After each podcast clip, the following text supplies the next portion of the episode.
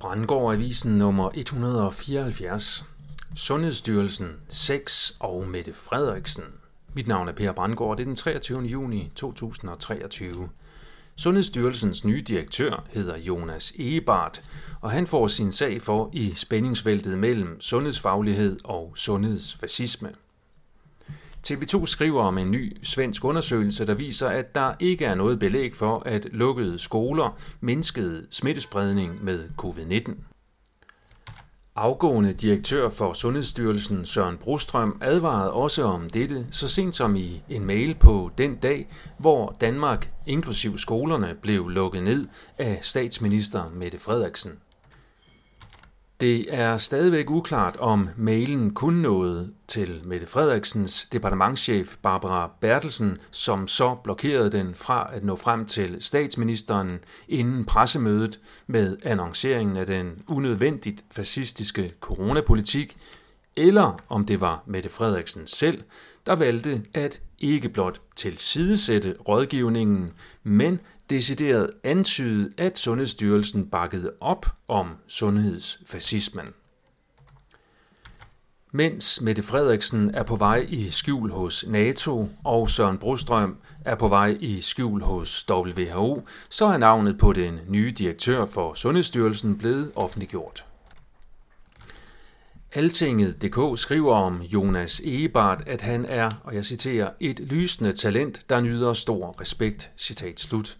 Altingets sundhedspolitiske analytiker Ole Toft skriver om udnævnelsen af Jonas Egebart til ny direktør for Sundhedsstyrelsen, og jeg citerer. Pointen med at vælge ham er nemlig, at man ønsker en styrelsesdirektør, der fylder mindre, og som kan få sundhedsvæsenet til at lytte lidt mere til politikernes ønsker. Man kan i regeringen håbe, at Jonas Ebert er mere bøjelig i kraft af sin alder og natur end hans forgænger. Samtidig skal Ebert fastholde Sundhedsstyrelsens troværdighed som en faglig instans med armslængde, så sundhedsvæsenets ansatte og aktørerne ikke blot regner ham som sundhedsministerens politiske hånddukke. Citat slut. Det bliver interessant at følge, hvorvidt Jonas Ebert, ligesom sin forgænger, bøjer sig i støvet for den sundhedsfascistiske overmagt, dikteret af den globale magtelite via blandt andet WHO, eller om han formår at stå fast på sundhedsfaglig integritet og idealisme. Det afhænger nok primært af, om de kan finde eller skabe noget smus på ham, som de kan bruge til at holde ham i skak. Man kan frygte, at de, det vil sige magtmændene og damerne i kulisserne, allerede har fundet det, og at det netop er derfor, han har fået det magtfulde sundhedsjob. Men lad os nu se. Det er stadigvæk lovligt at håbe på menneskets iboende, og men ofte noget slumrende gode natur. Apropos Sundhedsstyrelsen og vaccinepropaganda, så har de ifølge DR meldt ud, at flere bør vaccineres mod abekopper. Sundhedsstyrelsens nye anbefalinger omfatter nu også mulighed for at blive vaccineret, hvis man er i, og jeg citerer, høj risiko for smitte, men bruger kondom eller slikkelap under sex. Citat slut. DR skriver videre, og jeg citerer, Anbefalingerne gælder også for nogle kvinder, transpersoner, non-binære og andre, som har en høj risiko for at blive smittet med mpox. Citat slut. Det vil sige ikke kun, og jeg citerer, mænd, der dyrker ubeskyttet sex med flere mandlige partnere. Citat slut. Disse nyheder i kombination med corona-covid-19 bringer tankerne tilbage til HIV-AIDS-sagen, som min generation er vokset op med.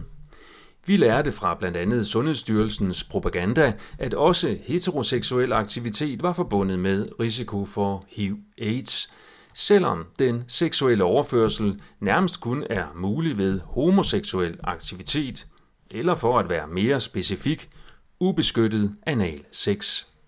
Det skabte en hel generation af normale unge med en dyb frygt for det, de har mest lyst til.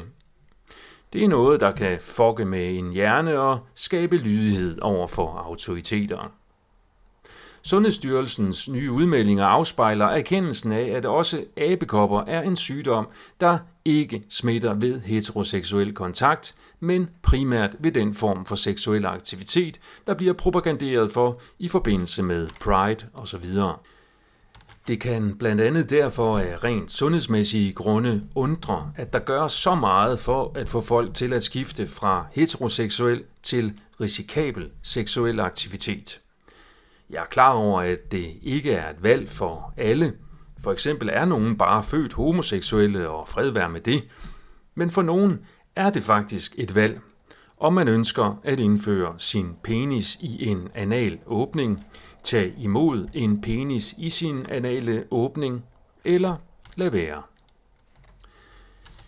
Det er til sammenligning til synladende næsten umuligt at blive smittet med både HIV og abekoppevirus ved vaginalt samleje, også uden kondom. Sådan som naturen, og måske ligefrem Gud, har tilsigtet foreningen mellem mand og kvinde. Noget andet, som corona, covid-19 og HIV-AIDS har til fælles, er den totale ignorering af kofaktorer i processen fra coronasmitte til covid-19 samt fra HIV-smitte til AIDS.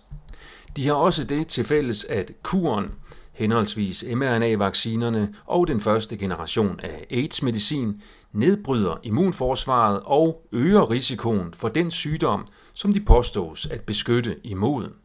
Og, når ja, så har de også Anthony Fauci til fælles. Den gamle snydetamp.